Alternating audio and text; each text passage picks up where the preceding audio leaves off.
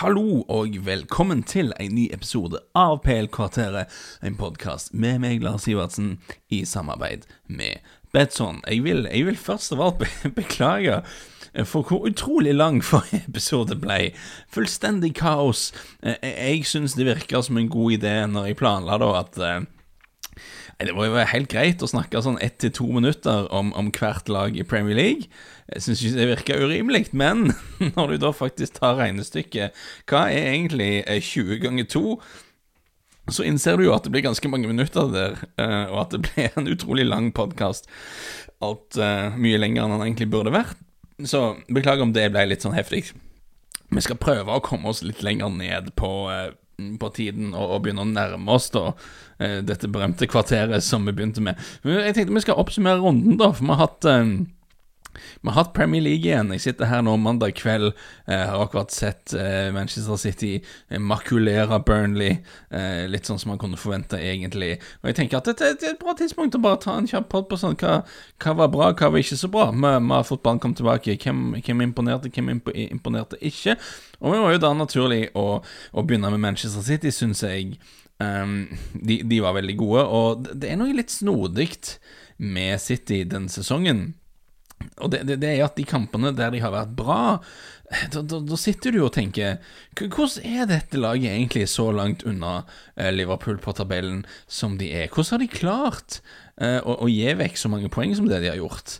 Eh, for, for, det tekniske nivået, måten de kontrollerer kampene deres, eh, måten pasningsspillet fungerer det, altså, I de kampene der vi har sett City spille opp mot sitt beste, da, så, så sitter du og tenker at dette er nødt til å være det beste laget i landet. Det de holder på med, det er liksom så Imponerende. Imponerende et bra ord. Overveldende tidvis. Ikke, bare det de gjør, med måten de gjør det på. Og om du ser på sånn vår gamle venn Expected Goals, Expected Goals-tabellen, altså dersom alle resultatene er justert for hvor mange farlige skuddmuligheter lagene har hatt rent statistisk sett, Eh, så ligger faktisk City over Liverpool. Men ok, når vi, når vi, snakker om expected goals, så er det alltid veldig veldig viktig å være tydelig på hva du ikke eh, snakker om, og hva vi ikke mener. Eh, og det jeg sier nå, er ikke for å si at City har vært bedre enn Liverpool. Eh, det er ikke for å si at eh, eh, Liverpool har vært oppskrytt og sånn. Eh, det betyr bare at eh, Vel, det betyr at Liverpool har vært eh, ganske effektive foran mål. De har overprestert sin expected goals med ganske mye. Men vet du hva, det er jo selvfølgelig ingen regler i fotball mot å ha gode avsluttere. Snarere tvert imot. Det er noe du har lyst til å ha. Mens Manchester City har hatt en del kamper der ballen bare liksom ikke vil inn i mål, og det har påvirka hvor de ligger poengmessig. De har vært ineffektive, og den der evnen til å vippe tette kamper i sin favør, som Liverpool virkelig har hatt denne sesongen, den har jo da City Hatt det stikk motsatte av. Vi har jo hatt en del kamper der Manchester City bare ikke har vært så skarpe som vi har sett i eh, denne uken. Um, og vi glemmer han jo litt fordi han har vært borte så lenge. Men han var tilbake til nå. Han var tilbake nå. Eh, Leroy Sane eh, er jo et aktivum i angrepet til City. Gjør de kanskje litt mindre forutsigbare. Han er villig til å prøve litt ting eh, på egen hånd av og til, og, og, og, og, fjerne han fra det. Det har nok, skad, har nok såra de en del. Jeg vil også si at de har, de har ikke vært like trygge bakover uten Laporte.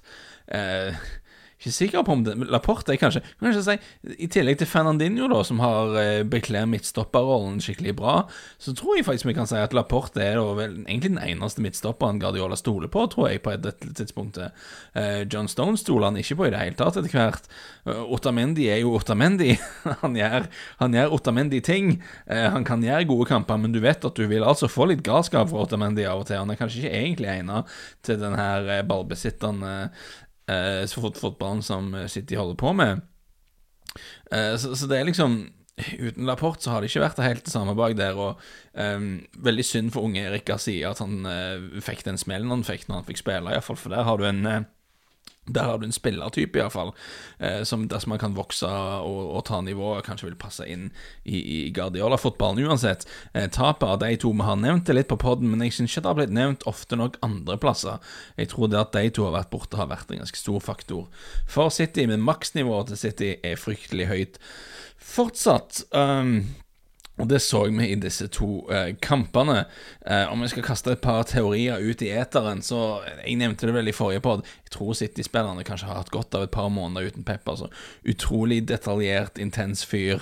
Eh, I tillegg til det fysiske, selvfølgelig, så tror jeg spillerne blir litt mentalt slitne av han, eh, mistenker jeg. Eh, og eh, det at du har flere spillere som har jobba med han der siden 2006, eller 2006, 2016, eller noe sånt Uh, så, så, Jeg nevnte det i forrige pod. Jeg tror virkelig det faktisk er, en, et lag der spillerne har godt av å ha en liten pause fra sjefen. Men ok, det var to kamper. Uh, det var mot Burnley, og det var mot et Arsenal-lag som hadde ti mann i store deler av kampen. Uh, men det var to kamper der City så ut som den beste versjonen av City.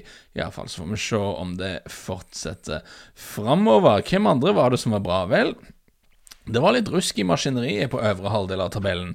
Eh, de fleste lagene som, eh, som prøver, å, prøver, å, ta fjerdeplassen fra Chelsea, de, de avga poeng. Eh, og det betyr jo at Chelsea hadde en veldig god dag. Selv om seieren mot Aston Villa det var ikke voldsomt imponerende. Jeg syns de slapp til Villa mer enn, mer enn jeg hadde trodd de skulle gjøre. Men når Tottenham United mot og Sheffield United og Arsenal alle avgir poeng, så er det jo selvfølgelig veldig viktig for Chelsea at det tikker inn tre poeng på kontoen. Derene Wolves vant, eh, Wolves vant, og de vant ganske oppskriftsmessig eh, mot Westham. Adama Traoré kom inn og var veldig veldig skarp, så, så enormt farlig ut. Adama Traoré, som han jo ofte gjør, ser litt ekkelt ut for Westham. Uh, jeg tenker jo at det bør finnes tre dårligere lag i denne divisjonen her enn Westham. Såpass mye kvalitet har de, men hele David Moyes-opplevelsen har jo ikke blitt det helt store så langt. David Moyes-opplevelsen the, the, David Moyes Experience. Jeg føler det høres ut som, uh, som, som navnet på et litt sånn middels frijazzband. The David Moyes Experience. Det er ganske steady, stort sett fire-firedelstakt. Uansett det, jeg, jeg tror ikke jeg tror jo ikke Westham skal rykke ned til syvende og sist, men det var ikke så fryktelig imponerende det de holdt på med denne helgen. Southampton Southampton er nå det sjette beste bortelaget i Premier League. Uh, det er jo ganske heftig, uh, alt tatt i betraktning. De er òg det dårligste hjemmelaget av alle. ganske det, Jeg syns det er spesielt, da. det er ikke uvanlig at du har lag som kanskje sparker litt bedre fra seg borte enn hjemme, da, men sjette beste bortelag, aller dårligste hjemmelag. Det er snodig, det. Men uh, ja, ja, Ralf Hasenhuttel, eh, som ble kalt Alpenes Klopp på et eller annet tidspunkt. Jeg er ikke sikker på om han selv liker det så godt, men det er noe han har blitt kalt det. Eh, han, han, han, og hans lag de trives best når de er ute på fjellvandring. Og det, det, det kanskje det er et lag som er bedre til å ødelegge for motstander da, enn de er til å skape sjøl. Eh, ikke nødvendigvis for å ligge dypt og kontra, men ved at de, de, presser høyt og forstyrrer rytmen til, til motstanderen og, og utnytter da brudd. Eh, de fikk mange muligheter til det mot Norwich. Norwich. Norwich eh, kanskje en perfekt motstander for Southampton, eh, i, i, den forstand at de, de, er vel et av de lagene som prøver å bygge opp bakfra, eh, prøver å spille nokså ballbesittende, uten at de egentlig kanskje, kanskje, ikke er gode nok til akkurat det på dette nivået. Så det ble, det ble edenmat for Southampton. Fin seier for Newcastle. Syns Newcastle så ok ut. De får selvfølgelig mye hjelp i at eh, John Egan ble utvist, men en del positivt der, for at de er jo godt organiserte defensivt. Eh, Bruce har bygga videre på, eh, på det de holdt på med under Rafa Benitez. Ser ganske likt ut, egentlig. Store forskjellen er at de har jo da Sem-Maxime, eh, Joel Anton, Almiron framover. Jeg, jeg gir meg ikke på at det er ei løperekke som, som bør kunne, kunne, være bra. Det har litt å gjøre med om de får mer hjelp fra, fra, resten av laget enn det de har fått. Matt Ritchie tilbake her trenger ikke være noe minus. Eh, interessant å se dem mot Aston Villa denne midtuken. Det er faktisk en kamp jeg gleder meg til. Bare for at Villa er litt sånn yolo-lag. Alltid mye mål når Villa er involvert, men jeg syns jo det er mye rot med de defensivt, så um, jeg er veldig spent på hvordan det skal gå. Um, en annen ting som var bra denne helgen, uh, og dette er da fra Richard Jolly på Twitter, uh, som observerer at, uh, at Mike Dean ga gult kort til Michael Keane. Michael Dean ga kort til Michael Keane. Veldig bra. Eh, sannsynligvis den første gangen eh, vi har hatt et gult kort som rimer, eh, siden Craig Pawson ga gult kort til Craig Dawson i 2018. Viktig informasjon fra Richard Jolly. Veldig stor fan av, av kort som, som, rimer. Ok, hvem som, hvem som ikke så bra ut, da? Vel, det var en del lag som ikke imponerte. Over helgen, og det er da veldig vanskelig å komme unna. Arsenal ganske grim start på, på fotballen igjen. Null poeng på to kamper.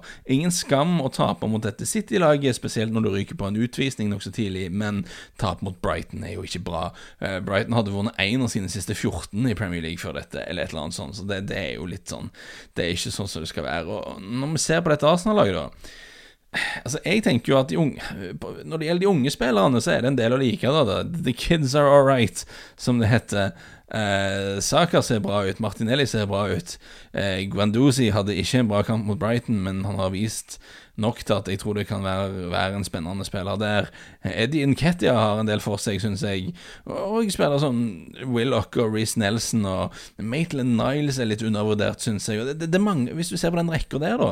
Jeg, jeg, føler meg ganske trygg på at flere av de kommer til å utvikle seg til å bli eh, helt kurante, gode Premier League-spillere. Det kan òg hende at et par av de faktisk blir veldig, veldig gode. Men eh, problemet til Arsenal, da, eller et av problemene, er iallfall at eh, de som skal høre til å være bærebjelken i laget, da, med tanke på navn og omdømme og sånn, og hvor mye de har kosta klubben, det er jo der eh, det svikter. Eh, og, og, og, da kommer man liksom ikke helt utenom Mesut Özil, eh, som plutselig er ute i kulden igjen fullstendig. Eh, måten han har vært inn og ut denne sesongen, har virka veldig mystisk fra utsiden. Eh, jeg har ikke hørt noen god sånn inside-forklaring på det heller. Og, og, hvis man bare skal dømme da på um, det at Arteta har satt offentlig.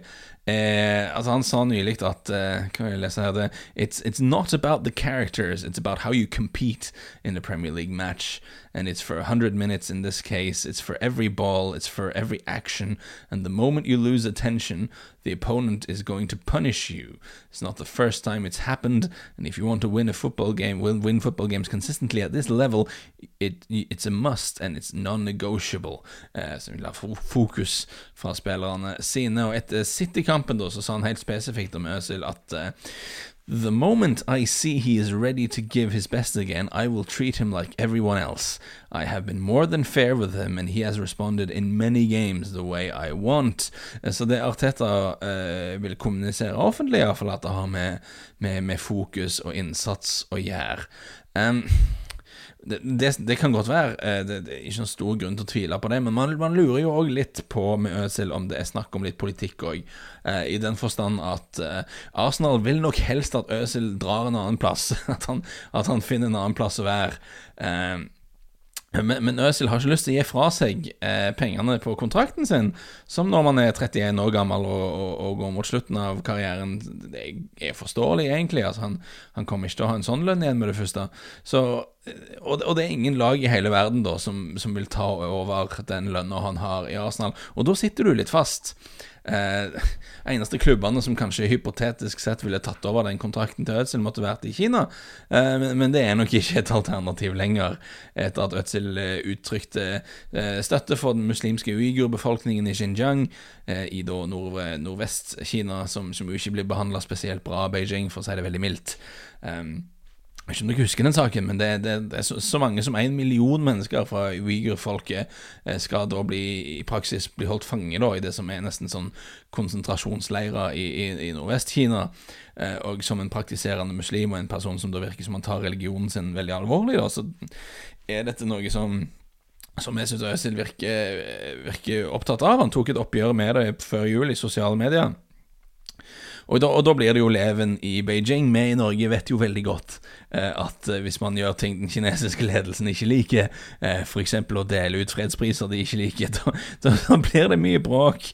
Eh, og det er liksom ikke noe de glemmer med det første. Altså, Ødsel ble jo blant annet å slette eh, fra den kinesiske versjonen av Pro Evolution Soccer. Der er det ingen Øzil, eh, ble det iallfall rapportert. Og eh, det var en Arsenal-kamp som skulle bli vist eh, på kinesisk TV, som bare ble droppa fullstendig. Det, det, er trygt å si da at eh, det blir nok ikke noen overgang til Kina for Mesut Özil med det første. Så når kontrakten hans er som han er, visstnok 350 000 pund i uka, eller noe der omkring, da det, det er vanskelig å få han av lønningslista. Du finner alltid en klubb som vil ta over Rødsel, men da må Arsenal fortsette å betale lønningene hans. Eh, og Da er det jo ikke så mye vits. Poenget at de vil ha den utgiften vekk. Um, og, og, det er litt ugreit, akkurat sånn som markedet er nå. Det var, det var ugreit i fjor sommer, det er iallfall ugreit denne sommeren. Så når Ødsel da blir, plutselig blir frosset ut veldig. Så det er jo litt fristende å spekulere i at eh, klubben kanskje prøver å oppfordre han eh, til å finne seg en annen plass å være. Han er 31, og eh, når alt kommer til alt, så er han jo på sin måte en utrolig begava fotballspiller, da. Og selv om han ikke er det Arsenal kanskje har mest behov for. Eh, så dersom han ønsker å spille fotball på et eller annet nivå mens han fortsatt kan, eh, så har han jo muligheten til det, men da må han si fra seg masse penger. Så det kan være det ligger noe der at de prøver å fryse han ut og bare prøver å dytte han ut døra, liksom, og si at vi, ikke, vi vil ikke ha noe Øzil. Sitte på benken, du, og så kan Joe, Joe Willoch spille, eller noe sånt. Og så kanskje det da får han til å tenke at ja, ja, eh, det, jeg vil heller spille fotball et par år på, på et bra nivå enn å, enn å tjene alle de pengene. Det, det er en dynamikk du ofte ofte er kanskje feil ord, men det er ikke uvant da i, i, fotballindustrien at man gjør sånne ting for å prøve å presse en spiller ut av klubben. Litt uvanlig at man ser det på et så høyt nivå, hvis det er det som foregår. Det kan òg være det bare er sånn som Arteta sier, at han prøver liksom eh, belønne Ødsel når han føler han jobber riktig i, på trening og sånne ting. Ja, det, det, det kan være. Uansett. Apropos Arsenal-stjerner da, som ikke leverer, da må vi jo nesten Vi må nesten snakke litt om David Louise etter, etter den City-kampen. Eh, ganske sånn absurd prestasjon fra David Louis, ikke for første gang i karrieren hans. Men det som jeg syns er interessant her, da, er Jeg kom en så en tweet fra Duncan Alexander, oppdamann Duncan Alexander, um, som skrev at David Louis At han får da et rødt kort. I Chelsea så fikk han rødt kort én gang per 160. Premier League-kamp, mens i Arsenal har han fått rødt kort én gang hver 13. kamp. Uh, I Chelsea så ga han bort straffe én gang, gang, per uh, eh, 53 kamper, mens i Arsenal har han gitt vekk straffe én gang på hver seks og en halv kamp. Altså på, på, i snitt da per seks og en halv kamp gir Louise bort én straffe. Og det er, jo, det er jo ikke bra at du, hvis den mest rutinerte og høyst lønna midtstopperen din gir bort en straffe hver sjette kamp og blir utvist hver trettende kamp. Sånn kan du ikke holde på eh, i løpet av en hel sesong. Så, eh, så, så, blir jo ikke det noe bra. Så du må jo spørre deg sjøl hvorfor. Hva, hva, er det med David Louis? Hvorfor er han der? Eh, og, og, Man kan grave litt inn i sånn strukturen til, eh, til Arsenal akkurat nå. Hvilken en agent spesifikt de, de føler de liker, og som de uh, vil hente spillere for. Det kan være noe der. Men det finnes da sportslige ting med, med Louise òg. Uh, eh, hvis du ser på Premier League sin statsstops en rangering over, over through balls, altså stikkpasninger Ok, Der ligger Kevin De Bruyne veldig, veldig på topp, som en kanskje kunne forvente. Eh, på andreplass ligger James Madison. Eh, Tredjeplass eh, Emiliano Buendia fra Norwich. Fjerde, eh, på fjerdeplass Georginio. Litt uvant, kanskje, men, men, der er han. Georginio har slått flere stikkpasninger enn vi kanskje har lagt merke til denne sesongen. Men på delt femteplass, med et par andre spillere, ligger David Louise. Eh, så David Louise er faktisk en av spillerne i hele Premier League som slår flest, flest eh, vellykka stikkpasninger. Eh, og det er jo interessant. Altså, når, når, lag som presser mer høyt enn før, presser mer organisert og gjennomtenkt enn før, så sier det jo seg sjøl at det er utrolig nyttig å ha en stopper som kan slå gode pasninger gjennom pressledd. Og det er faktisk noe Louise gjør veldig, veldig bra, bedre enn de aller, aller fleste stoppere. Men jeg tenker jo da at han, han er nødt til å ha spillere rundt seg som passer på, da, i hermetegn. Hvis vi ser tilbake til når han spilte fast i Chelsea under Antonio Conte, som ikke er en manager som eh, har høy sånn terskel for idioter. Så kan, kan til like like arbeidskarer som gjør som de får beskjed om. Det ser vi i alle jobbene han har hatt, så er det om det er Giaccherini for, eh, for, Italia, eller om det er Victor Moses for eh, Chelsea. Altså Det er spillere som du kanskje ikke tenker på som sånn veldig talentfulle, men som jobber hardt og gjør som de får beskjed om. De, de trives under Conte. Og Da er det kanskje litt rart at David Louise, som kanskje virker som det motsatte, han spilte der. Men eh, da hadde han da Cæsar Aspelequeta på én side og Gary Cahill på den andre da til å rydde opp. Så han hadde liksom stødige, samvittighetsfulle ryddegutter rundt seg. Sånn som situasjonen nå i Arsenal, da, så er det plutselig at sånn at Louise skal være han som er rutinert, og, og han som, som, man stoler på. Og det er kanskje ikke fullt så bra, for han alltid sjanse for at han springer av gårde liksom, og dukker opp i en posisjon der du ikke venter det, eller gjør et eller annet merkelig. Så det er jo ikke sånn at topptrenere, utrolig dyktige fotballfolk, eh, har satt sin lit til Louise hele veien gjennom karrieren hans fordi de er galne, liksom. Han, han, han kan bidra med ting, åpenbart, men det må være med, med riktige spillere rundt seg da, i det riktige systemet, og det har han nok ikke i, i Arsenal. Så det, jeg føler det er litt sånn det, det, er sånn med Arsenal nå at uh, stilmessig så føler jeg vi, vi ser vel ikke helt ennå det Arteta har lyst til å gjøre. Vi ser ikke en sånn kjempetydelig spillestil, men det er mest det der med at du har en del ok unggutter som har en framtid, men de som skal være bærebjelkene, da svikter. Ikke, altså For en gangs skyld så var det jo ikke Granit Chakas feil at han ble skada, men han er òg en spiller som ikke har helt har levd opp til den rollen han skal høre til å ha usikkerhet om framtiden til Aubameyang òg. Så det er liksom Det, det er bjelkene, da, bærebjelkene, som ikke leverer som de skal.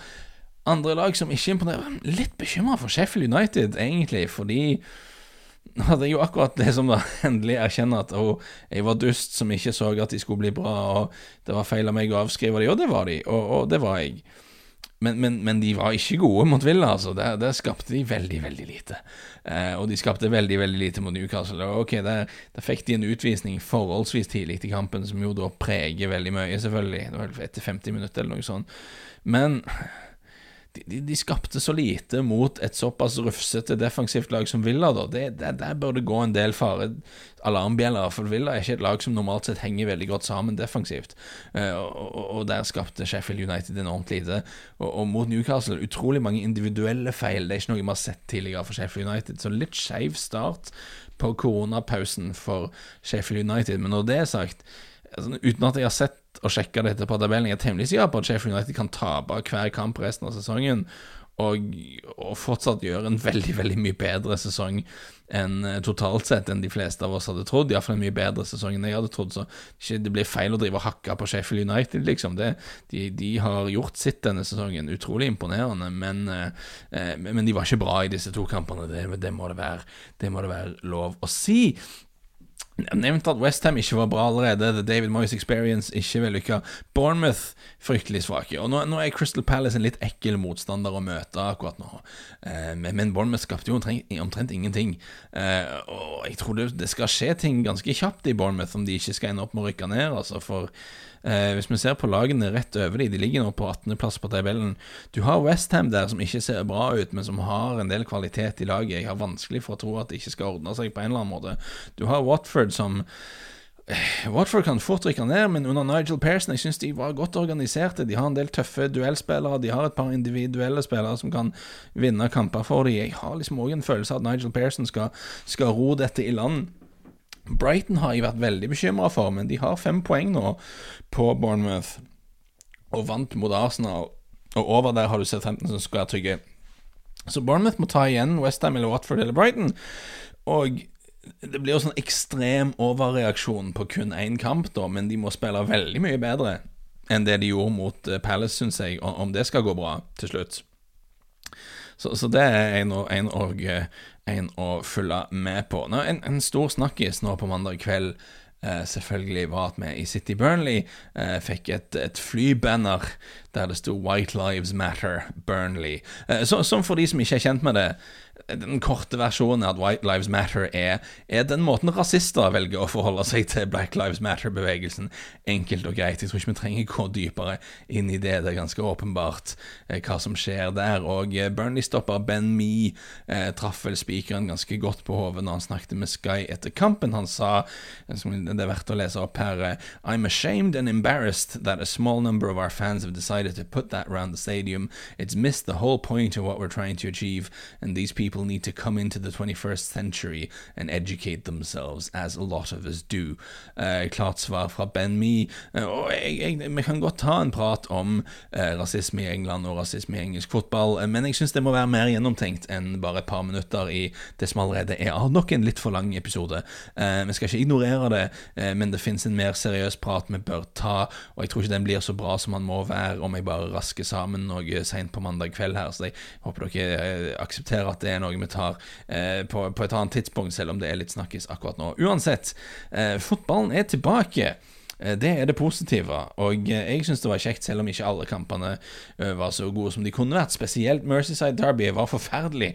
Et, et monumentalt eh, bortkasta Monumental waste av antibac. Altså all, så mye som hadde blitt desinfisert for at det skulle kunne spilles. Det kunne ha brukt det, det, til noe annet. Det er mye rart man kunne desinfisert som hadde vært mer matnyttig. Men, men kampen ble spilt, og sånn er det òg. Laget er nå kanskje litt rustne, så vi skal ikke være så, skal ikke så slemme med det. Egentlig det er godt å være tilbake likevel. Jeg skal ta en megarask spillbit på slutten.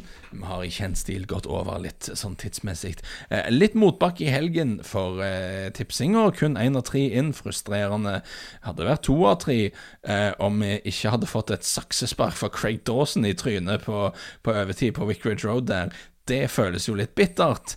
Eh, men samtidig så trengte vi et sånn spontanskudd i krysset fra Ben Chilwell for i det hele tatt leder der, så det hadde vel kanskje vært litt flaks det òg, om det hadde holdt inn som man får vel som man fortjener. Uansett, jeg har vært litt i tenkeboksen her, og jeg har funnet fram til en trippel som jeg liker, der, eh, der Betson har økt oddsen pluss tre singler som jeg liker.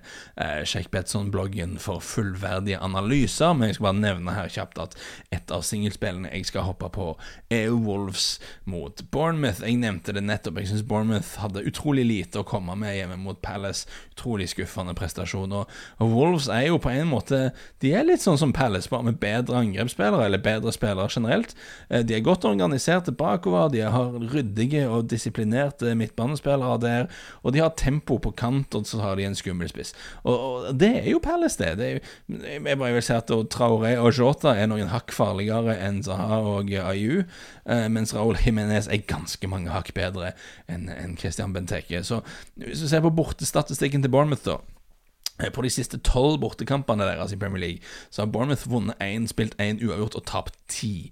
Det er ganske ille. Eh, så selv om Wolves er, de er noen hakk farligere på bortebane enn det de har vært på hjemmebane i år, eh, så mener jeg de skal vinne dette på Molyneux. Jeg tror vi skal få mer enn ett mål i kampen.